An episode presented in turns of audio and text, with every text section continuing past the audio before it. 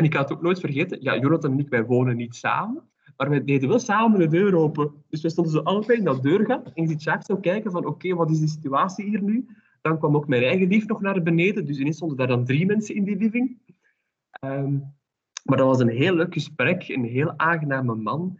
Ehm, en ja, ik zit nu aan dezelfde tafel waar ook Jacques Raymond en Ingriani gezeten hebben. God bless me. En die tafel heeft hij nooit meer gewassen. Oh nee.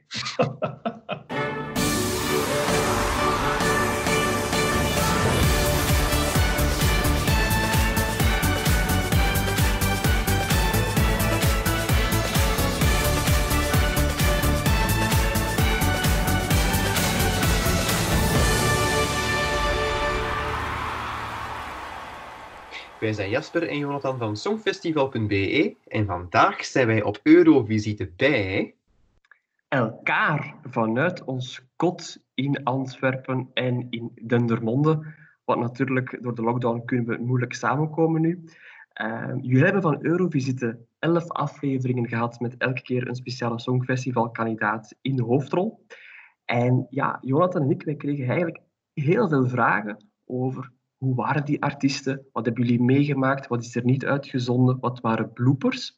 En dan vandaar dachten wij, misschien is het leuk om in deze coronatijden een extra aflevering te hebben van Eurovisite, waarbij je te weten komt wat je niet gehoord hebt in de podcast. Maar omdat Jonathan en ik elkaar moeilijk zelf kunnen interviewen, hebben we daar een sterrenreporter voor in huis, in huis gehaald.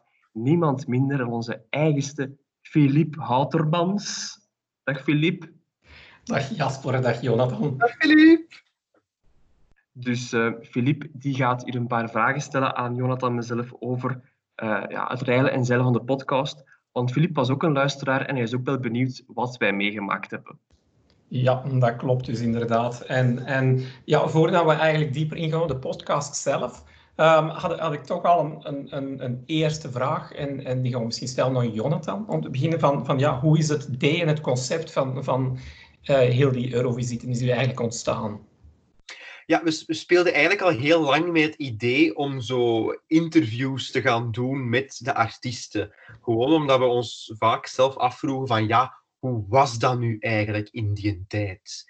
En we dachten ook wel, daar moeten we ook niet moeilijk om doen, ja, we hebben songfestival.be, dat is toch een vrij bekende website, we kunnen dat wel gebruiken als hefboom van kijk, voilà, wij zijn van songfestival.be en wij willen heel graag met jou, Nicole Hugo, Misha Marak, Sandy en ga zo maar door, uh, een keer praten om eens echt puur te horen naar hoe was uw Songfestival-deelname voor u? Hoe was die preselectie-deelname? En dan vooral, ja, wat zijn zo de, de leuke dingen die nog niet in, op Wikipedia staan, bijvoorbeeld? Dat is eigenlijk wat we echt wilden. Het ging ons heel vaak om, hoe voelt je u daarbij? Wat gaat er dan door u heen? Dat zijn de dingen die Jasper en ik heel graag te weten wilden komen en wat ik ook wel vind um, dat we in zijn geslaagd. Nu, nog een heel leuk wisje dasje waar ik wel trots op ben. De naam Eurovisite hebben we bedacht in de Kentucky Fried Chicken in Brussel-Noord, waar Jasper en ik uh, vorig jaar zijn gaan dineren. En dat was heel gezellig. En daar is dus de naam ontstaan. Voilà, ik wou dat even delen. Oké, ja, ik, zou dit, ik zou dat niet direct dineren noemen in de Kentucky Fried Chicken, maar dat is... Uh...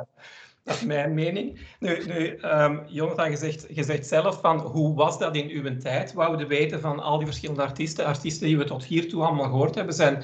Ik denk Tom Dice was, was de laatste van, van deze generatie, bij manier van spreken. Na Tom Dice hebben we, geen artiesten uh, niet meer gesproken. Dus het zijn allemaal artiesten voor um, 2010. Um, is daar een bepaalde reden voor? Ja, we hebben dat eigenlijk heel bewust gedaan. Um, we wilden ons focussen op de artiesten vooral van vroeger, omdat we heel graag wilden weten hoe het echt in hun tijd was.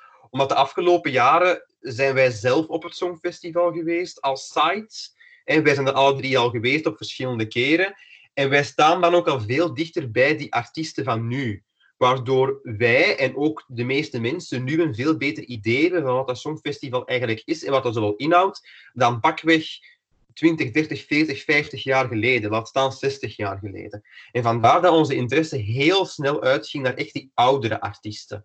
Dus ik ben heel blij dat we bijvoorbeeld een Jacques Raymond hebben gehad, die in 1963 heeft meegedaan. Dat is bijna 60 jaar geleden. Mm. Dat is echt wat we wilden. En ik denk ook wel dat we daar ja, wel in zijn geslaagd, dat ik dat mag zeggen. Nu Jasper, naar de rolverdeling toe. In, in het begin dacht ik dat het zo was dat um, Jonathan de serieuze vragen zou stellen, dat jij iets meer zou inspelen op, het, uh, op, op de vragen die, of de antwoorden die de kandidaat dan zouden geven en, en iets meer in de privésfeer zou treden, potentieel. Um, is, is dat gelukt, denk je? Um, ik denk dat je wel merkt in de gesprekken dat ik best soms ook wel een geschiedenisvraag stel van een bepaalde naam of een bepaald feitje. Want ik denk dat Jonathan dat moet toegeven ja, dat mijn geschiedenis best wel nog meeviel eigenlijk. Want iedereen in de redactie denkt dat ik heel weinig weet, maar het viel al bij wel nog mee. Maar, want ik heb die vraag nogal gekregen. Um, en als je bijvoorbeeld de gesprekken gaat herbeluisteren met Nicole en Hugo, met Xandy en ik denk ook met, met uh, Mishamara, dan hoor je mij wel telkens zo de, de bepaal, dat Jonathan bijvoorbeeld begint met ja, hoe was de preselectie? Maar dan die vraag van, ja, heb je gehuild? En hoe ging het met de, de mens achter Mishamara? Dat zijn wel de vragen die ik gesteld heb. En dat was ook de bedoeling, dat ik zo die kleine gevoeligheden um, ging, ging loskrijgen. Maar het heeft ook, denk ik, te maken met, dat, uh, met de rolverdeling op voorhand. Dus Jonathan die uh, ging de research doen over de kandidaten, over de preselectie en over schandaaltjes die er geweest zijn. Maar de artiest echt contacteren en bellen, um, dat deed ik. Waardoor voor mij soms het ijs al wat rapper gebroken was, want ik had die kandidaten soms al verschillende keren aan de telefoon gehad. Ja, dat ik me sneller op mijn gemak voelde, denk ik. Nu, sneller op je gemak, er, er waren wel een aantal artiesten waarbij het toch wel wat zenuwachtig was. kan je, waarom was je bij sommige artiesten zenuwachtiger dan bij anderen? Uh, ja, bij mij was vooral toch op één qua zenuwen Xandy omdat One Live het, het Songfestivalnummer is van België, waarvoor het bij mij allemaal een beetje begonnen is. Dan ben ik echt zo actief beginnen uh, kijken naar het Songfestival. En dat nummer van haar was ook meteen de muziekstijl die ik nu nog altijd graag hoor. Dus sommige muzieksmaken gaan er niet op vooruit, zal het zelf maar zeggen. Uh, maar ja, ik vond haar ook altijd zo sympathiek op tv en, en van alles en nog wat. En ook Touch of Joy was iets uit mijn jeugd. En dan ga je verwachtingen hebben. En dan hoop je dat die echt zo sympathiek gaat zijn. Want bijvoorbeeld, ik heb Madonna live gezien in Tel Aviv. Bijna flauw gevallen omdat we oog in oog met elkaar stonden. En ik vond dat Madonna zo zich slecht gedroeg op dat Songfestival. Zo slecht heeft gezongen ook. Dat ik eigenlijk een beetje een degoe heb gekregen van Madonna. En ik wou dat niet van Xandy krijgen. Want Xandy was ja, de inzending. Um, en dan ben Nicole en Hugo, maar daar kan Jonathan misschien nog meer over, vertellen. Um, die waren aan de telefoon een beetje weigerachtig, want ze begrepen misschien niet goed wat de podcast inhield. En die waren ja, toch een beetje norser aan de telefoon, iets zakelijker. Maar dat ijs werd wel snel gebroken. Ja, nu um, naar, naar het aantal artiesten toe en het, het aantal artiesten dat jullie gekozen hebben, Jonathan, hoe, hoe zijn jullie daarbij terechtgekomen? We hebben eigenlijk heel snel gewoon geprobeerd uh, van we gaan er zoveel mogelijk contacteren en we kijken wel waar we uitkomen. Omdat het voor Jasper en mij ook heel moeilijk was om op voorhand in te schatten, ja, hoeveel mensen gaan er zo zot zijn om ja te zeggen, om door ons te weten willen worden geïnterviewd over hun songfestivaldeelname van x aantal jaar geleden. Um, en uiteindelijk hebben de meeste mensen die, die Jasper heeft gecontacteerd ook wel effectief ja gezegd, tot onze eigen grote verbazing. Ik denk niet dat we vorig jaar in de Kentucky Fried Chicken hadden gezegd van, ah wel, en wij gaan nu een keer spreken met, met Nicole Hugo, en wij gaan nu een keer spreken met Tom Dice. Dat was zo eerder van wishful thinking, van oh, het zou toch mooi zijn als... Um, maar ik denk de enige die echt vlak af nee hebben gezegd, verbeter mij Jasper en vul aan alsjeblieft, um, was Barbara Dex. En uh, dat Kate Ryan. En Kate Ryan, ja, die heeft ook nee gezegd. Maar van de rest kregen we ofwel een, meteen een ja, ofwel een het past nu even niet, maar later wel. Um, dus de reacties waren echt heel overwegend, heel positief. Dat vonden we heel fijn.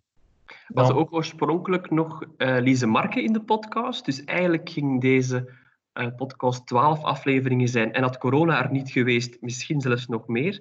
Maar Lise Marke, ja, het is niet dat je op pensioen bent, dat je het niet meer druk hebt. Uh, die had ineens een overvolle agenda en ja, die heeft ons laten, laten vallen, als ik het zo mag zeggen. Maar misschien als er een volgend seizoen komt, dat Lise Marke ehm, ja, misschien wel nog terugkeert, wie weet.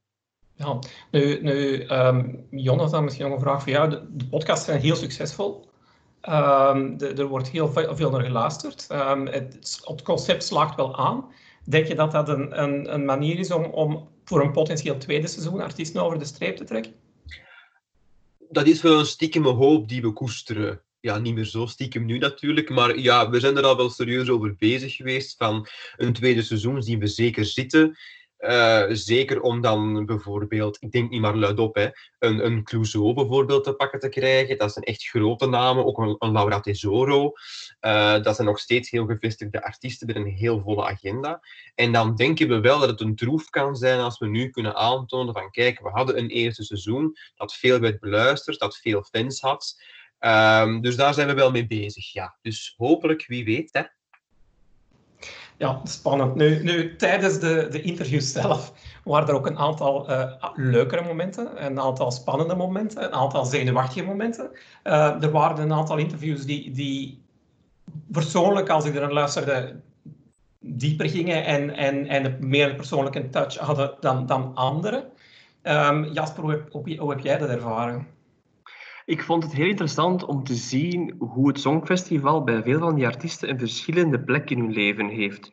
Bijvoorbeeld Linda Le Pom, die op het einde zegt hij gewoon vlak af, god ja, dat was een fediver in mijn carrière. Moest ik zangeres zijn, uh, ja, zanger, zanger zijn, dan zou dat het hoogtepunt zijn van heel mijn leven. Als ik kinderen zou krijgen, dan zou het Songfestival op één staan.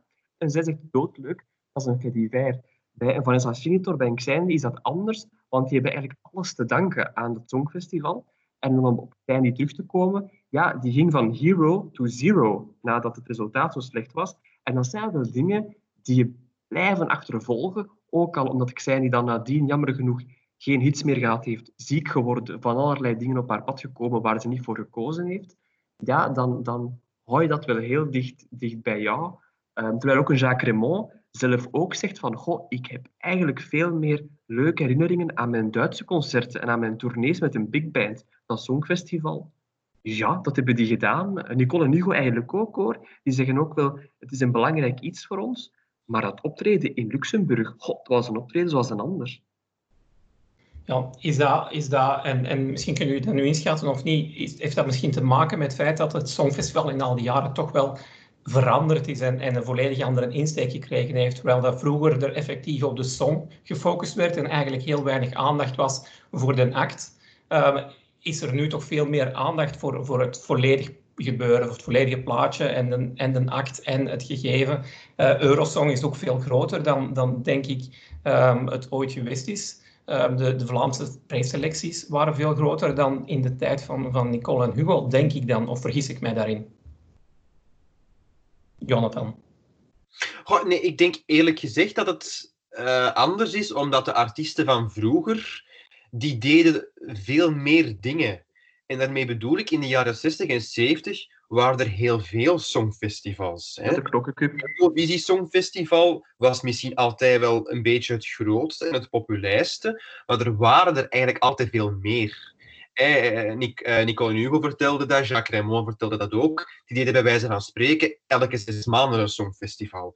Dus dan valt dat Eurovisie Songfestival, waarop ze dan ook nog eens niet altijd best hebben gescoord natuurlijk, terwijl ze soms anderen gewonnen hebben, een beetje in het niets. Terwijl vandaag de dag is het Eurovisie Songfestival eigenlijk het enige echt grote internationale podium op dergelijke schaal dan nog eens overgebleven, waardoor die impact ervan potentieel veel groter kan zijn. En dat kan dan positief zijn, denken we aan Tom Dice, maar kan ook, zoals Jasper net zei, negatief zijn. Hè? Denken we aan Xandy, die inderdaad echt wel ja, van hero to zero ging. Mm Zou het, zou het misschien ook kunnen liggen aan het feit dat ja, veel van die, die oudere artiesten die jullie gesproken hebben nu, die hadden eigenlijk al wel een beetje een carrière in, in, in Vlaanderen. En de, de artiesten van de recentere jaren, die, die, die waren nog in opmars of in opkomst, zullen we zeggen. Ook Laura Tesoro en, en, Tom Dice, die waren voor het festival. Laura Tesoro was wel bekend voor het festival, maar, maar heeft wel haar zangcarrière verder uitgebouwd na het festival. En, en Xandy mhm. heeft ook een, een eigen carrière gebouwd na het festival. Tom Dice is ook beginnen populair worden na het festival. Uh, maar die artiesten van vroeger die waren eigenlijk al bekend in Vlaanderen, denk ik dan. Is, maar, dat een potentiële oorzaak? Hugo zegt dat ook zelf, hè, zo van, ja, eigenlijk jonge artiesten denken veel meer na over deelname aan een festival. Terwijl, ja, dat is misschien een, een andere generatie, hè, onze grootouders, die dachten werk is werk en zingen is zingen. Die pakten elke kans om op televisie te komen en die waren nog niet echt bezig met strategisch hun, hun uh, carrière uit te bouwen. Bijvoorbeeld nu een, een Emma hè, die kennen jullie wel nog, die heeft ook ooit gecontacteerd met de vraag: wil je naar het Songfestival? En dan zei haar manager: zij ziet zichzelf niet op dat soort podium. Dus dan is die echt op die leeftijd aan het denken: oh, ik wil daar en ik wil daar niet staan. Um, terwijl Laura Tesoro dan natuurlijk wel een voorbeeld is van iemand die toegeeft dat het Songfestival haar wel veel gegeven heeft. Uh, maar voor hetzelfde geld ja, had hij ook niet gescoord en dan had je een heel ander verhaal. Het hangt echt wel af, denk ik, van welk nummer dat je daar brengt. Want sommige nummers zijn ja, wel een grote hit geworden in Vlaanderen zelf. Bijvoorbeeld Liefde is een kaartspel van Lisa Delbo. Zij zegt ook dat dat heel veel voor haar betekent. Vlinder uit de voorronde ook. Um, maar Laat me nu gaan van Linda Lepom was geen hit. En dan heb je nog het resultaat ook zelf, denk ik. Um, en ook, zoals Linda Lepom bijvoorbeeld, die zei ook... Goh, toen ik terug, terugkeerde, kon ik meteen terug het theater in. Die wou niet scoren dank dankzij dat festival.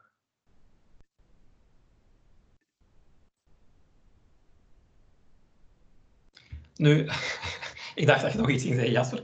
Um, nu, um, ja, jullie hebben dan die interviews gedaan. Um, nu, ik kan me voorstellen dat er daar in de interviews ook wel het een en het ander geknipt is geweest. Dat jullie niet een interview uh, van, van A tot Z hebben kunnen opnemen zonder, zonder potentiële bloopers. Jasper, zijn ja. er bloopers die jij gemaakt hebt, die, die, die, je nu wel wil delen met, uh, met een luisteraar? Heb ik veel bloopers gemaakt, Jonathan? Één heel grote. Laten we eerlijk zijn. En we, we weten meteen waarover dat het hebt. Maar je kunt het misschien zelf vertellen, want dat is leuker. Ja, uh, dus wij zijn uh, op een weekavond zijn Jonathan en ik naar uh, Denderleeuw getrokken om daar Emily Starr te interviewen. Ook heel blij dat we met haar konden spreken. Maar Emily zei, kijk, ik heb een eigen bedrijf, ik ben daar nog aan het werk, dus we spreken af daar en niet bij jou thuis. Dus we komen daartoe uh, was ook een heel grote stank dat daar buiten hing. Dus het begon daar eigenlijk al. We zijn echt gaan vluchten in de lokale supermarkt om van die stank uh, weg te geraken. Dus ja, Denderlee, dat Aalst. Sommige mensen eh, zeggen soms Aalst stinkt. Wel, uh, ja. En dan uiteindelijk een heel fijn interview gedaan met Emily Starr. Maar ook haar man, uh, Tony Winter, was dan eigenlijk aangeschoven bij ons aan tafel. Want die was ook meegegaan naar het festival. Hij was mee producer en liedjeschrijver van de hele carrière van Emily. En hij begon mee te praten en mee te praten.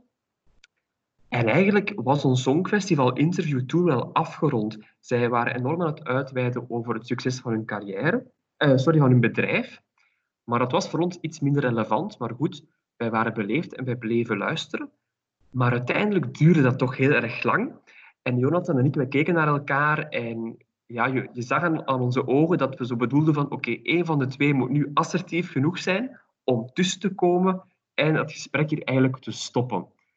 Ja, kijk, en ik ben de oudste van onze twee, dus ik dacht, ik zal dit maar eens doen. En ik uh, maak een bruggetje, want ik hoor hun echt zeggen dat alles goed gaat. En ik zeg tegen Jonathan een soort zin als, ja kijk, um, we kunnen toch besluiten dat alles goed gaat, en daarom wil ik Emily Starr en haar echtgenoot Tony Klok enorm bedanken voor hun tijd. En ik spreek het woord Tony Klok uit.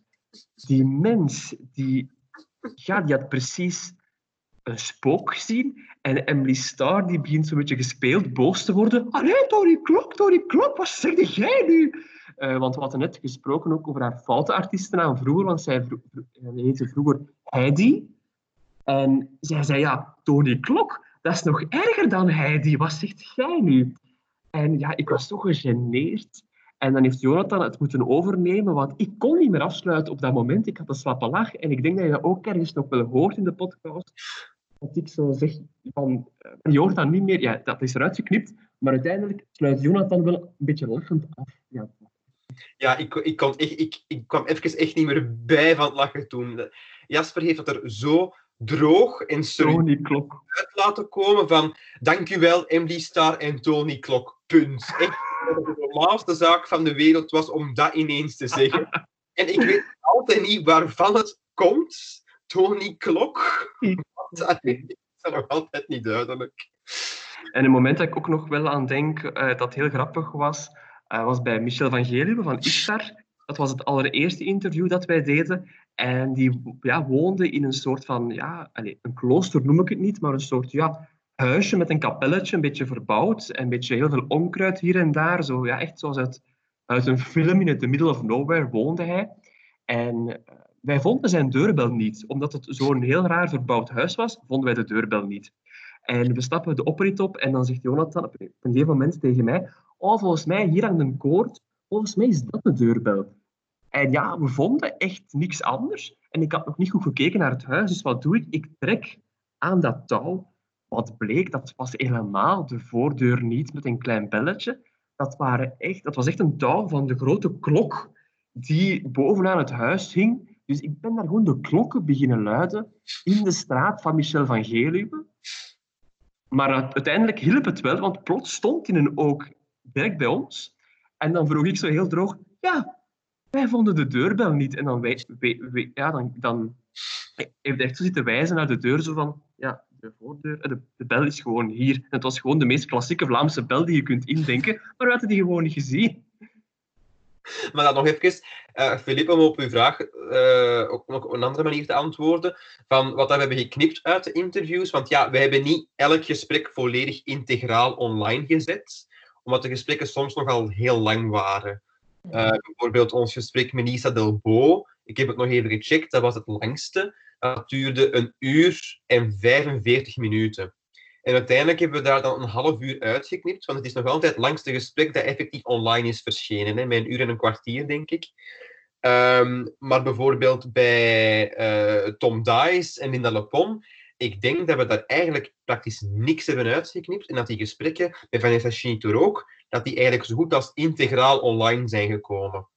En dat hangt natuurlijk heel veel af van hoe de kandidaat zelf praat over zijn of haar ervaring en hoe gestructureerd dat allemaal is. Sommige mensen die, ja, die, die wijken nogal af, die beginnen ineens over iets anders. Uh, bij, bij Stella was dat bijvoorbeeld soms het geval een heel, een heel sympathieke dame. was een heel leuk gesprek. We hebben een uur lang zitten lachen eigenlijk. Maar heel vaak dan, dan sprong die in de tijd en dan begon die over andere zaken die er eigenlijk niet zoveel mee te maken hadden. En ja, dat hebben we wel gewoon voor we aan de interviews begonnen afgesproken van dergelijke dingen gaan we in de mate van het mogelijke proberen er wel uit te knippen. Omdat we toch wel willen vasthouden aan ons vast stramien van we beginnen met voor het Songfestival, voor de preselectie, de preselectie, het Songfestival en daarna.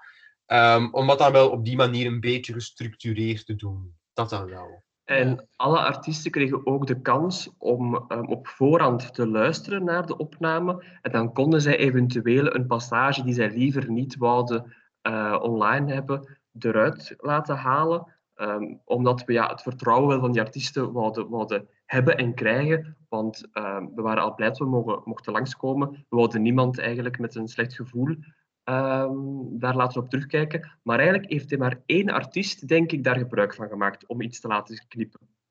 Oké, dat valt dan inderdaad nog mee. Nu, voor, voor, voor, de, voor, voor alle artiesten zijn jullie effectief op verplaatsing gegaan. Soms bij een artiest thuis, maar soms ook op een andere locatie. Maar er is één voordeur, uh, Jasper, uh, die van jou. Die zit ook mee in, in de reeks. Uh, hoe komt dat dat we eigenlijk uh, voor één interview naar jou thuis zijn geweest? Ja, dat is echt een moment dat ik moest die kleinkinderen hebben, maar dat lijkt voorlopig niet te gaan gebeuren. Het is toch zo'n verhaal dat ik zou vertellen, denk ik, maar ik zal het vertellen aan mijn planten dan of aan mijn katten later. Ja, um, ik zeg het, Petra en Barbara Dex wilden niet meewerken, of toch hun management niet. Ik ga niet zeggen hoe persoonlijk zij betrokken waren, dat weet ik niet. Maar Jacques Raymond was in het begin ook niet happig om uh, mee te doen, omdat hij al lang met pensioen was en zijn verhaal was verteld, zei hij. Um, dus een nieuw interview hoefde niet.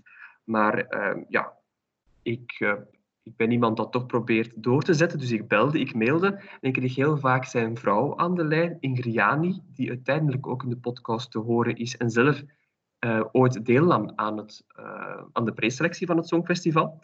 En Ingriani was degene die probeerde om Jacques te overtuigen. En op een gegeven moment zegt uh, zij tegen mij, kijk, Jacques wil het doen, maar het interview alleen, god ja, daar heeft hij niet genoeg aan. Hij wil graag er een uitstapje van maken, zegt hij. Dus laten we een bepaalde stad opnoemen in Vlaanderen.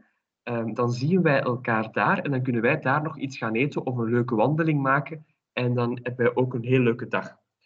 Ehm, ik kreeg dat binnen via mail. En heel spontaan, echt waar, binnen de vijf minuten dacht ik, ja, ik nodig die gewoon uit in het wondermooie Dendermonde. Uh, in mijn eigen living, want waarom zou ik ehm, ja, een misschien te drukke brasserie kiezen of waarom zou ik de living van iemand anders gaan gebruiken terwijl ik hier zelf gewoon een woonkamer heb?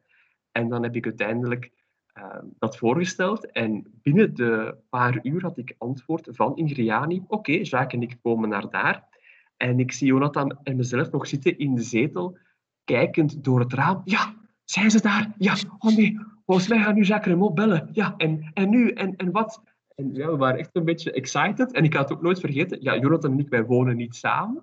Maar wij deden wel samen de deur open. Dus we stonden zo allebei in dat deurgat. En ik zie Jacques zo kijken van, oké, wat is die situatie hier nu? Dan kwam ook mijn eigen lief nog naar beneden. Dus ineens stonden daar dan drie mensen in die living. Um, maar dat was een heel leuk gesprek, een heel aangename man. Um, en ja, ik zit nu aan dezelfde tafel waar ook Jacques Raymond en Griani gezeten hebben. God bless me. En die tafel heeft nooit meer gewassen. Oh nee. De Ingriani die komt ook in, in het gesprek, zeg je zelf, hè? we hebben dat ook gehoord. Um, zij heeft ook meegedaan met, met de prijsselectie ooit, maar toch wou zij niet mee op de foto.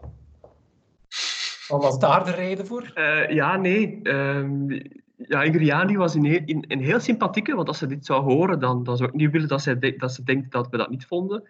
Maar ja, ze was toch een beetje uh, af en toe, uh, hoe moet ik het zeggen, Jonathan heel supportive naar, naar Jacques Raymond toe. Dus uh, nogal, nogal, ja... Ja, ik denk dat zij thuis de broek wel draagt, ik weet het niet. En ja, op het einde van, van het gesprek namen we altijd foto's. En ja, kijk, zij had ervoor gezorgd dat Shaker was geraakt. Zij had ook gereden uh, dat hij contacten met ons gedaan. Ze is te horen in de podcast.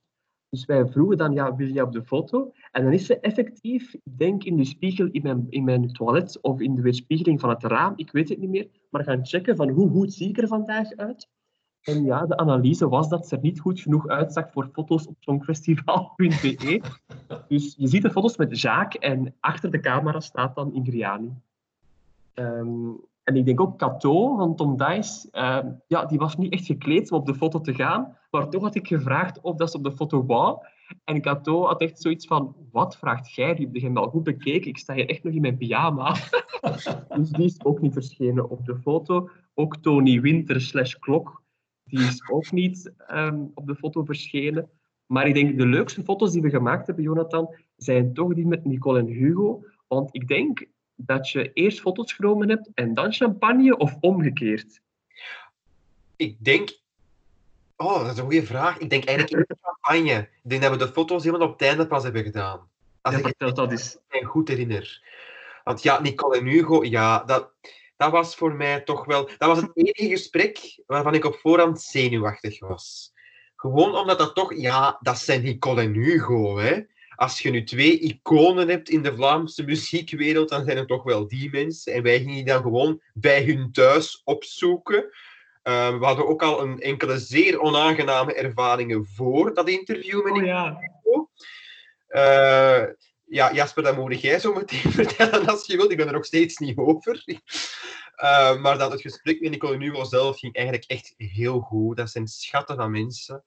Ehm, en dan daarna moesten we nog blijven plakken natuurlijk. En dan hebben we champagne gedronken. Nu ja, ik, want Jasper drinkt niet. Dan hebben we, heb ik champagne gedronken uit glazen. Met daarin effectief, geen grap, N en H ingegraveerd. Hè, van Nicole en Hugo.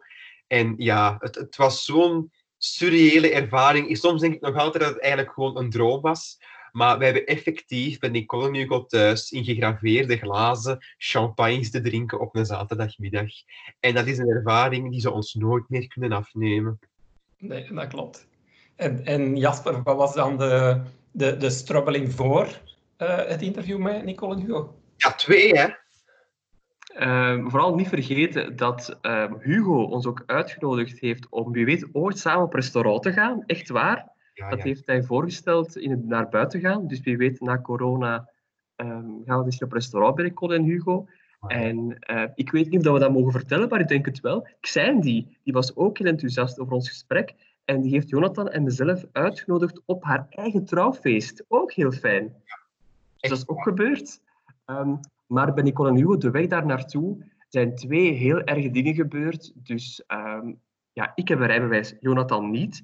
Dus meestal reden wij samen, uh, ofwel kwam hij naar Dendermonde station, ofwel naar een andere plaats waar ik moest passeren.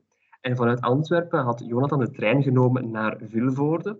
Um, ik was heel vlotjes naar daar gereden, maar uh, ik had wel gezien dat het station in een soort van um, industrieterrein lag, met heel veel rijvakken, heel veel rode lichten. Maar goed, dat ging wel lukken. En dan van Vilvoorde reden we dan naar Wemmel. De GPS, ik ga het nooit vergeten, die, die maakt allemaal kronkelingen. Die lijntjes lagen zo dicht na, naast elkaar, dat ik de hele tijd moest kijken, moet ik nu links, rechts, moet ik mij keren? En wat doet je dan? En dat is de grootste fout die je vaak hoort op examencentra, of in examencentra, die auto rijexamens afleggen, is op je GPS de hele tijd kijken. Dat mag niet. En ik was dat dus aan het doen. En op een gegeven moment uh, ben ik op die GPS zo hard aan het kijken en ik kijk op en ik zeg tegen Jonathan, ik zeg, kijk hier, die flitspaal die is verkeerd gemonteerd, want ik zie de achterkant van die flitspaal. Hoe kan dat nu? En Jonathan kijkt ook op en die roept ineens, gebouwd hier die rijden, je rijdt tegen de richting. Dus ik heb een paar seconden ja, spookgereden naar Nicole en Hugo. Echt gebeurd, niet lang. En we zijn ook niet in gevaar geweest. Er waren geen auto's die in onze richting kwamen. Maar uh, dan heb ik wel tegen Jonathan gezegd, oké, zet jouw uh, Google Maps even aan en zeg jij, ik moet rijden, want ik raak hier gewoon maar niet weg. Uiteindelijk um, uit dat uh, terrein geraakt. En we waren iets te vroeg bij Nicole en Hugo. Um, en ik wou, om het een beetje um, ja, niet ongemakkelijk aan te pakken, had ik ons geparkeerd in de straat naast Nicole en Hugo. Want ik dacht, ja, zo'n kwartier wachten voor de voordeur. ze kunnen goed denken dat het inbrekers zijn. Dat gaan we niet doen. Dus ik parkeer met de straat daarnaast. En goed, we staan daar aan een ver vervallen huis, zoals je in Brussel wel meerder hebt, want zij wonen in het Brusselse, Nicole en Hugo. En op een gegeven moment komt daar een nogal ja, loesje oudere vrouw op straat. Maar goed, dat kan. Maar ineens ziet die Jonathan, die vrouw, die ziet Jonathan en die haalt haar ogen niet meer van Jonathan af. En per seconde stapt die dichter, echt waar, dichter en dichter naar de auto. Nu, ik was met mijn telefoon bezig, ik had dat niet gezien. En op een gegeven moment zegt Jonathan zo heel ijzig, Jasper, wat is die vrouw aan het doen? En inderdaad, ik kijk op en met haar ogen op Jonathan gericht, kwam die gestapt tot aan de passagiersdeur van mijn auto. En dan heb ik echt gewoon contact opgezet en gas naar de straat van Nicole en Hugo. Misschien staat die vrouw nog altijd daar te wachten. En het zou me ook niet verbazen als Jonathan ooit sterft, dat die vrouw het laatste is wat hij gaat zien. Ja. Ik ben er van, sorry. Ja, spannend. Maar spannend. Um, om toch nog even... dat je die vindt in Antwerpen? Wat ik nog wil, wil zeggen over, over dat heen en weer rijden, uh, dat is waar. We hebben heel veel uh, ja, rondgereden. Soms hebben we wel interviews gedaan op twee, da op twee, uh, twee op één dag. Hè, van, van Drongen naar Sint-Truiden en van Merksplas naar Bilzen want daar woont uh, uh, Lisa Delpo. Maar het meest onverwachte interview dat we echt last minute hebben moeten regelen om daar te geraken, dat was met, met, met Stella Maassen. En Jonathan, ja, kan jij misschien vertellen? Want volgens mij kwam jij net van het, van het vliegtuig? Ja, ja, dus eh, Stella Maassen was denk ik een, een week of minder dan een week zelfs ingepland voordat het effectief plaatsvond. Want meestal deed Jasper heel goed zijn werk en wisten wij weken op voorhand waar we wanneer bij wie gingen zijn. Eh, maar wij werden eigenlijk zelf gecontacteerd uh, door iemand van de fanclub van Stella Maas, echt waar, om haar te interviewen. Uh, want we hadden haar wel overwogen, want ja, die heeft drie keer meegedaan aan het Songfestival. Heel interessante vrouw. Maar ja, zij woont ook in Nederland natuurlijk. En dat is ook wat verder voor ons om er te geraken. Maar nu bleek dat Stella net voor een paar dagen uh, nog eens in België zou zijn en nog eens specifiek ook in Antwerpen. En we mochten dus naar het hotel gaan waar zij zou verblijven om haar daar dan te interviewen. Het enige probleem was, uh, de data waarop zij in België was, kwamen voor mij persoonlijk niet zo goed uit. En het enige moment dat voor mij nog zou passen, was eigenlijk een zondagavond om half tien. Uh, toen ik net terug was, maar letterlijk net terug was, uh, van een weekend in Malta te hebben doorgebracht. Dus ik ben letterlijk uh, van Charleroi Airport naar Antwerpen gekomen om dan meteen door te gaan naar de interview om half tien s'avonds bij Stella. Het was heel leuk. Ik heb het net gezegd, we hebben een uur lang zitten lachen, maar daarna was ik wel echt stik kapot. Echt waar. Ik was zo moe. maar uh, het, het, was een zeer leuk gesprek. Zeer interessante vrouw. Echt waar. Ja, dat wel. En, en je zegt zelf van, ja, iemand van de fanclub had ons, ons opgebeld. Um, hoe zijn jullie dan met Stella zelf in contact gekomen? Want ik kan me voorstellen dat iemand van de fanclub daar niet bij is. Wel, in alle eerlijkheid, wij hebben Stella zelf niet gehoord voordat we met haar hebben gesproken. Uh, al het contact verliep eigenlijk via die heel aardige man van die fanclub, want die was er heel erg op gebrand dat wij in onze podcast ook zeker een interview met Stella Maassen zouden hebben. Uh, en zo geschiedde.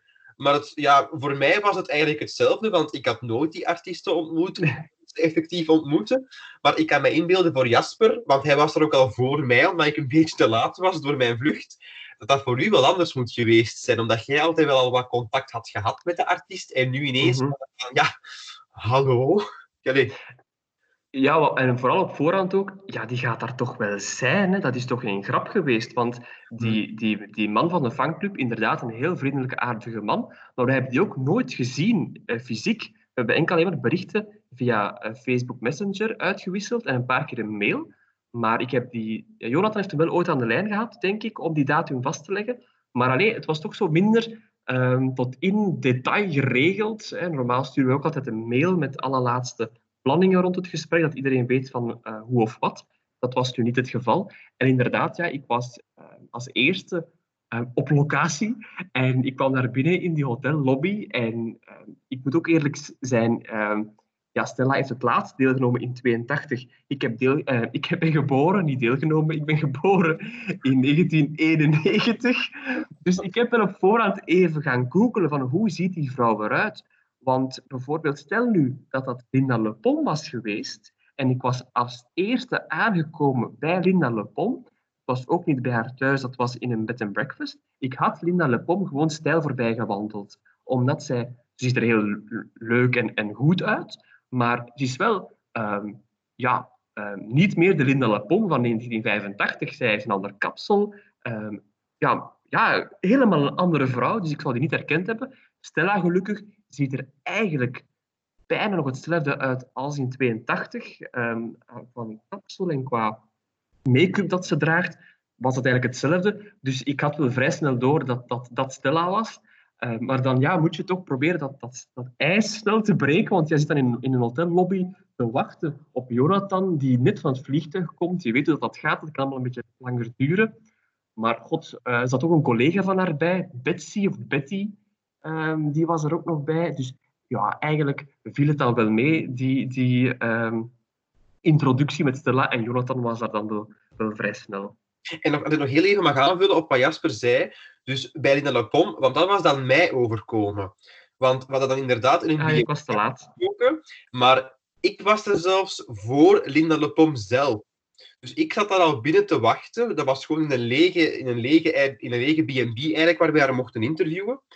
Um, en ik zat daar en ineens kwam daar een vrouw binnen. En die lacht naar mij. Maar ik, ik had oprecht niet gezien dat het in een pom was. Dus ik lach gewoon beleefd, zoals ik meestal wil doen aan mensen. Van ja, goeiedag mevrouw. En daarna begint mijn Frank te van, ah, dat is ze of wat? En dan, ik was dus nog niet zeker. Dus dan heb ik zo heel subtiel gevraagd van, u bent Linda Lepom? En dan zei zij gelukkig ja. En dat is ongemakkelijk geweest. Maar dat was inderdaad, zoals Jasper zei, ja, mensen veranderen op 35 jaar tijd natuurlijk. Maar Linda Lepom is ook zeer moeilijk om te vinden. We hadden daar gewoon geen recente foto van kunnen vinden online. Dus het was echt gissen van, ja, hoe ziet die vrouw er nu uit? Dat weten we helemaal niet. Maar gelukkig was het dan wel effectief zij en niet iemand anders. Ja, ja Linda Lepom heb ik gewoon echt gewoon... Ik wist dat hij les gaf in een school in Tilburg. Dat hij daar artistiek leider is. En ik heb eigenlijk gewoon gebeld naar die school. En zo heb ik haar contactgegevens gekregen. Uh, dus ik heb die eerst in het begin gemaild via haar werkmailadres, omdat er niks over te vinden was. Ja. Nu, um, Jasper, ik, ken jou al een beetje. Um, ik kan me ook voorstellen, hè, je zegt van sommige van die artiesten, uh, die, die zijn, het is al langer geleden dat die op het festival geweest zijn. En, en die zijn effectief dan wel veranderd. ehm, zoals Jonathan zegt. Uh, ik kan me ook wel voorstellen dat er misschien wel eens uitspraken gedaan zijn geweest door jou, die misschien door die artiesten niet in zijn gevallen. Uh, ja, dat was bij Michel van Ishtar. Dat was om het ijs te breken eigenlijk, want ze waren nog niet bezig aan het interview. Uh, hij had dus deelgenomen in 2008 en hij was heel veel haren verloren, bijna kaal. En ja, ik zeg op een gegeven moment echt tegen Michel, ja Michel, ik zou je wel niet herkend hebben, want ja, jij ziet er ook niet meer uit zoals in 2008. Hè? Um, en ja, dat kun je dus wel oppakken als een niet echt compliment. Maar ja, Filip, je kent mij. Dat bedoel ik helemaal zo niet. Nee, nee, ik weet. Maar ja, die artiesten kennen u natuurlijk niet. Hè? En dan um, een paar keer heb ik ook een stamp gekregen van uh, Jonathan. Omdat het tweede interview, denk ik, dat wij gedaan hebben, of het derde, ik denk het tweede toch, was het Vanessa Chinitor. En Vanessa Chinitor, het kleed van uh, Jeruzalem 99, dat staat in haar keuken echt waar de beste keuken ooit met een songfestival jurk. En zij zegt ook zelf voor te lachen van kijk, ik kan daar niet meer in, in dat kleed. En ik moet zeggen, je moet als vrouw echt wel heel, heel, heel mager zijn om daarin te passen. Het is echt heel, eh, een hele smalle taille. Dus het is zeker niet zo dat Vanessa Setor eh, een teamtorner is geworden, maar ja, het is echt een heel miniem kleedje. En heel veel andere artiesten, bijvoorbeeld uh, Misha Mara, bijvoorbeeld Linda Lepom, uh, Emily Starr, die konden wel nog in hun kleedje. En ik vloekte dat daar heel vaak uit. Och, ja, dat kan wel iedereen niet meer zeggen, dat ze daar nog in kunnen in dat kleed van het Songfestival. En ik denk dat het bij Misha Mara was, dat Jonathan me echt geschopt heeft onder tafel, omdat hij dat, niet vond dat ik dat aan het vertellen was. Ja, um, dat heb ik af en toe wel, wel, wel meegemaakt, ja, dat moet ik zeggen. Maar ja, maakt je altijd iets mee. Ja, ja met, met jou ook, Jonathan, denk ik. Want ik denk dat jij op een bepaald moment uh, toch redelijk slechtgezind was, omdat er eten beloofd was en er geen eten was. Ja, ja, ja. Nu, mensen die mij kennen weten, ik ben, ik ben niet, niet echt een hele moeilijke mens, maar op vlak van eten ben ik wel een moeilijke mens. En als je mij eten belooft en er is geen eten, ja, sorry, maar ja, dan ben ik niet goed gezind. Dus uh, dat was dat, bij, bij Xandy was dat zo. Hè. Prachtvrouw en we mogen naar een huwelijksfeest gaan, waar hopelijk wel eten gaat zijn. Um, en had op voorhand nog gemaild naar Jasper om nog eens te bevestigen voor het interview van uh, zullen koekjes zijn. Hapjes. Zullen hapjes zijn, ja, voilà. En we doen ons gesprek, dat gaat heel goed. We nemen heel vriendelijk afscheid. En ineens valt mij een frank van, maar we hebben wij geen hapjes gekregen? En ik had honger. En dan werd ik slecht gezien. En dan ja, dan, op zo'n moment ben ik dan even niet meer te genieten. Dan moet ik wel zeggen. Dan word ik heel hangry. Ja. maar, dus maar... zeker van dat Xenny daar ruimschoots gaat goed maken op haar huwelijksfeest. Voilà.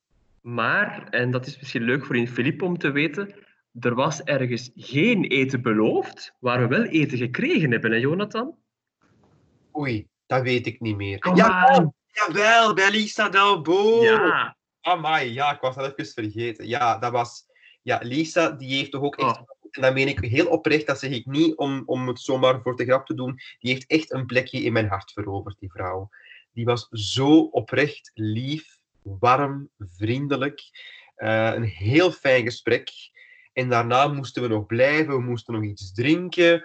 En we kregen Limburgse vlaai. En we kregen zelfs de overschot naar huis, omdat ze te veel had gekocht voor ons. Dat ga ik ook nooit vergeten. Ja, ik zie Jonathan daar nog zitten uh, in het naar huis rijden met een, een, ja, een, doos, een taartdoos op zijn schoot van Bils naar Antwerpen, met daar gekochte taart in van Lisa Delbo. Ja, daar hebben we ook heel lang um, ja, blijven zitten, blijven plakken. Ja. Maar, maar niet zo van, oh, we willen hier eigenlijk weg. Dat was zo gezellig, was zo leuk. En ja, we moeten daar niet flauw over doen. Bij bepaalde artiesten hebben we ook een soort gadget gekregen. Bij Michel van Geluwe het singeltje van hè, een collectors item. Filip, je kan het krijgen, het is geen probleem. Ik weet dat je het graag wilt, je mag het hebben. Maar bijvoorbeeld bij Lisa Delbo kregen wij uh, ja, een, een, een cd, verschillende cd's. Maar Jonathan, wat hebben wij gekregen wat wij nooit gaan weggeven? Een kaartspel van Liefde is een kaartspel. Oh mijn god, het ligt hier nog steeds op mijn bureau nu. Echt waar, ik doe dat nooit weg. Nooit. Nee, Lisa die had echt haar eigen kaartspel destijds gekregen. Echt waar. Ik denk dat veel mensen dat nog nooit gezien hebben, dus misschien is dat een tip om, om daar wat foto's van te maken en op Instagram te zetten of zo. Ja, inderdaad. Maar weggeven... Nee. Weggeven niet. Um, nu, nu um, ja, voor jullie alle twee, wat was voor jullie het meest memorabele um, interview? Jasper, misschien beginnen met jou. Oh, heel, heel moeilijk. Um, ik vind, en ik denk dat Jonathan en ik daar allebei uh, het over eens zijn, het inhoudelijk sterkste interview waarbij je zo'n goed beeld krijgt van de beginfase tot het einde van het festival, dat is volgens mij echt wel Tom Dice. Dan zie je hoe een schuchtere jongen die denkt, god ja, VRT wil mij op het Songfestival, ik zal het maar doen. Dan zet hij zich recht en hij zegt, nee, ik wil met Me, Me My Guitar gaan. In Oslo gaat alles goed. En dan nadien um, ook eerlijk geweest over zijn carrière achteraf. Heel inhoudelijk erg goed. Maar, um, en ja, het is echt moeilijk. Ik vind voor mezelf met Misha Mara toch ook wel... Ja, uh, daar zou ik nog eens naar willen luisteren. Haar verhaal, uh, dat heb ik nu in een podcast gegoten, maar dat zou eigenlijk ook wel in een film passen. Met je gehate liedje naar het Songfestival, wat die vrouw allemaal meegemaakt heeft. En ook Sandy wil ik nog vermelden, omdat ik heel fijn vind dat dat zij achteraf ook gezegd heeft van kijk, ik heb al zoveel interviews gegeven in mijn leven, maar dit was het beste ooit. En dat is ook een mooi compliment voor mij en Jonathan, want um, ja, wij stellen toch wel de vragen en wij moeten proberen die artiest um, zover te krijgen om mee te willen werken en, en dat ze zo'n dingen durft zeggen tegen ons, haar verhaal. En als hij dan zegt van dat was het beste ooit, um, ja, dan, dan, dan is de missie geslaagd. Mm -hmm. Ja, en, en Jonathan? Ja, jou de memorabele? Ja, ik sluit me eigenlijk volledig aan bij Jasper. Qua verhaal vind ik persoonlijk ook Mishamara echt wel het meest dramatische, het meest hallucinante verhaal. Hè. Als ze vertelt hoe die juryleden in haar preselectie soms gewoon niet stemmen omdat ze niet Comment ça willen sturen. Ja, kom aan. Dat, allee, daar gaan uw haren van recht staan hè, als je zoiets hoort. Uh, ik, heb ook, ik heb het al net gezegd, enorm warme herinneringen die ik voor altijd ga koesteren aan het gesprek met Lisa Delbo. Uh, maar die vrouw echt heel speciaal geworden is voor mij. Uh, en dan ook wel Sandy. Zeker ook omwille van de, de emoties die er echt in, in aan bod kwamen tijdens het gesprek, maar ook erna. Het is echt heel duidelijk dat zij heel veel heeft gehad aan het gesprek met ons. En dat is inderdaad het grootste compliment dat wij kunnen krijgen. Ja, ja dat was ook wel. Ik vond sommige interviews waren, waren wat zakelijker en andere gingen heel emotioneel en gingen heel persoonlijk. En, en Sandy was wel een van de meest persoonlijke interviews die, die effectief, uh, effectief gebeurd zijn. Um, vond ik zelf ook wel.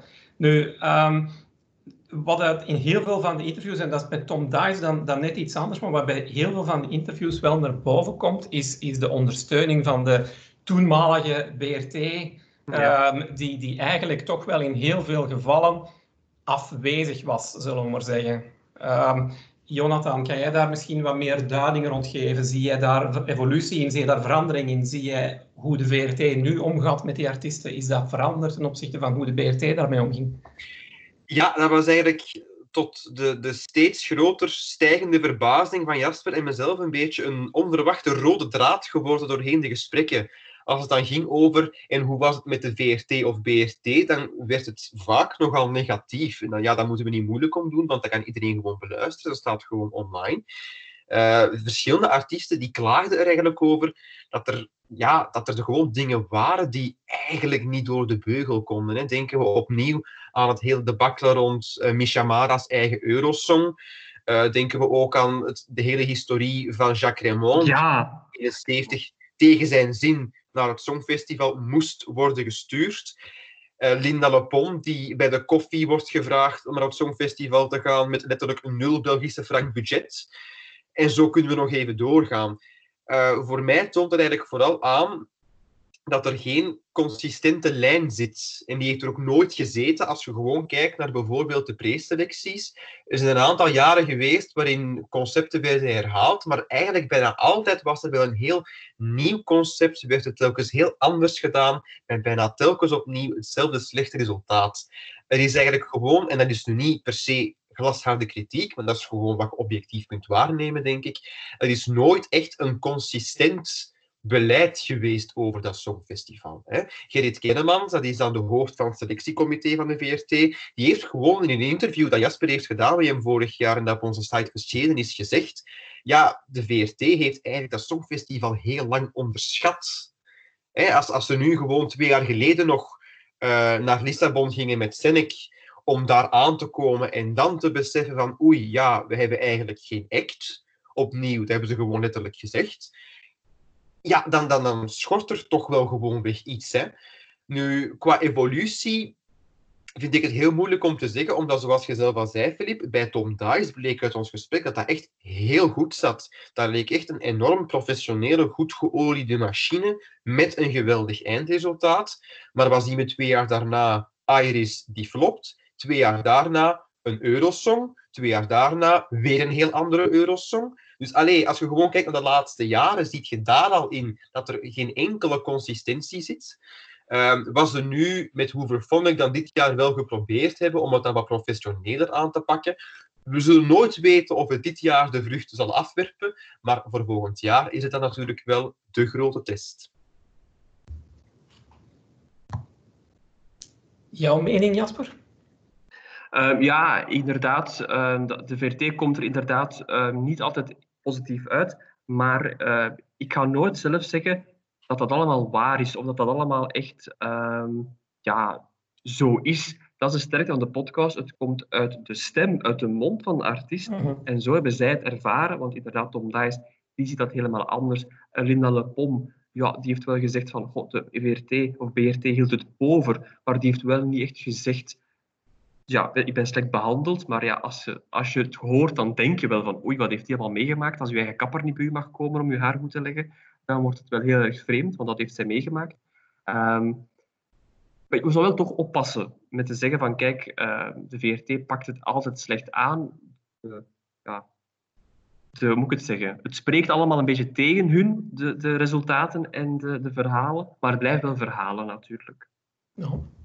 Nu, um, naar, naar, naar uh, een potentieel um, toekomst van, van, de, van de podcast toe. Um, hoe, hoe, zien jullie het zelf? Um, ja. Je hebt straks al aangegeven, Jonathan, van ja, vermoedelijk, we zijn er wel al over aan het nadenken van een potentieel tweede seizoen. Um, gaan, jullie dan, gaan jullie dan in dezelfde richting verder? Zijn er, nog, zijn er nog Vlaamse artiesten die jullie willen spreken? Zouden jullie dingen willen wijzigen aan het concept? Zouden jullie potentieel ook Waalse kandidaten gaan, gaan, gaan interviewen? We zijn zeker al in ons hoofd uh, bezig over een potentieel tweede seizoen, dat voor de duidelijkheid nog niet bevestigd is. We zijn er nog over aan het brainstormen, maar of het allemaal zover gaat komen, ja, dat zullen we zien in de komende maanden. Um, er zijn zeker nog genoeg Vlaamse kandidaten waarvan we de verhalen willen horen. Denken we aan Ingeborg, Clouseau, Kate Ryan, kunnen we nog maar eens proberen.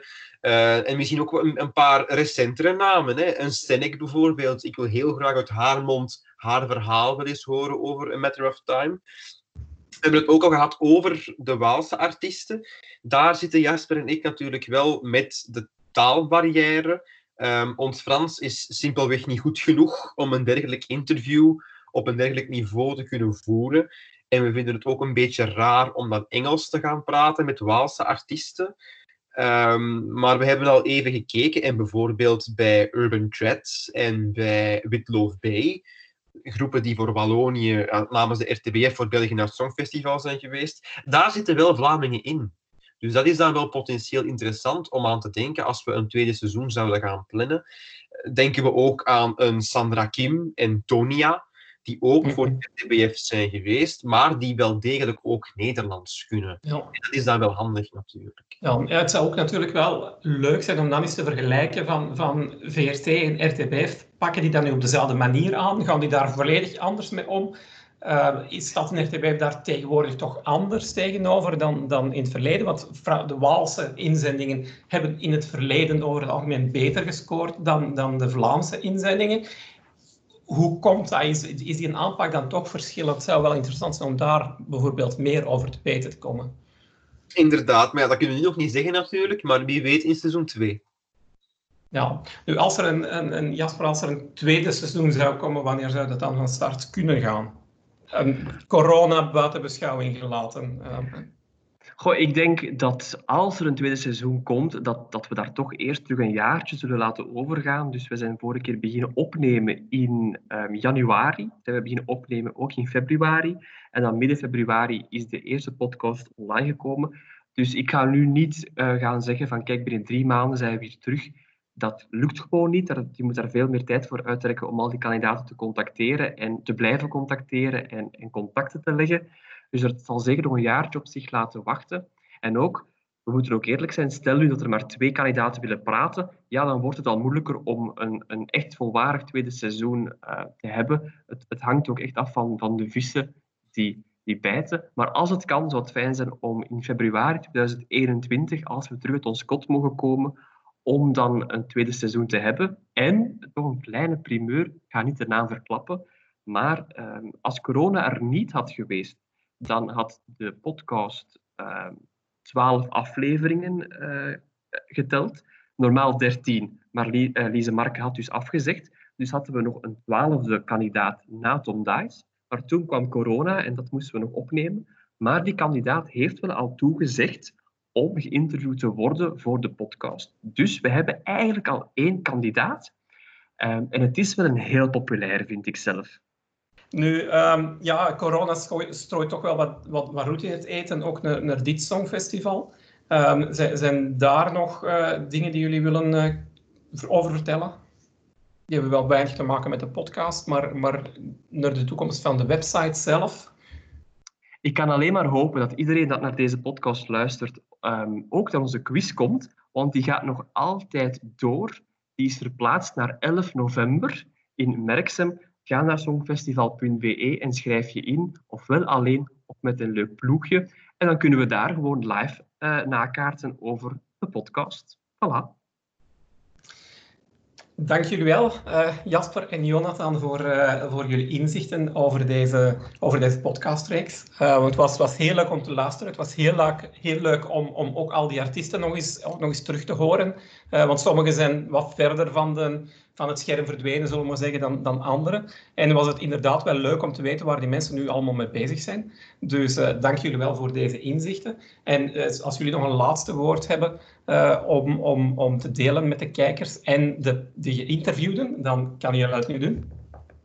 Ik zou alleen maar willen zeggen, um, blijf in uw kot en probeer het zo aangenaam mogelijk te maken. Wees lief voor elkaar en luister naar Eurovisite. Dank u wel. Dank u wel, Magie de Blok. Wat ik nog uh, wil zeggen is uh, een bedankt aan zowel uh, Jonathan om samen met mij deze oh. via podcast op te starten, want het was een heel klein idee. Ik stond in het begin weigerachtig tegenover, dat weet ik nog, maar je hebt me toch overtuigd en ik ben nu heel fier op het eindresultaat. Dus sowieso bedankt Jonathan. Bedankt alle artiesten en iedereen die geholpen heeft om tot bij die artiesten te geraken. En ook binnen de website wil ik ook nog Gerry en Gunther bedanken. Gerry om alle visuele beelden te maken bij de podcast en Gunther om ook op Instagram de nodige uh, promo te voeren. En ook jij, Filip, bedankt om uh, allemaal vragen te stellen over de podcast. Uh, ik hoop dat de luisteraars nu toch een breder beeld nog hebben van wat er allemaal achter de schermen gebeurd is. Tot gauw!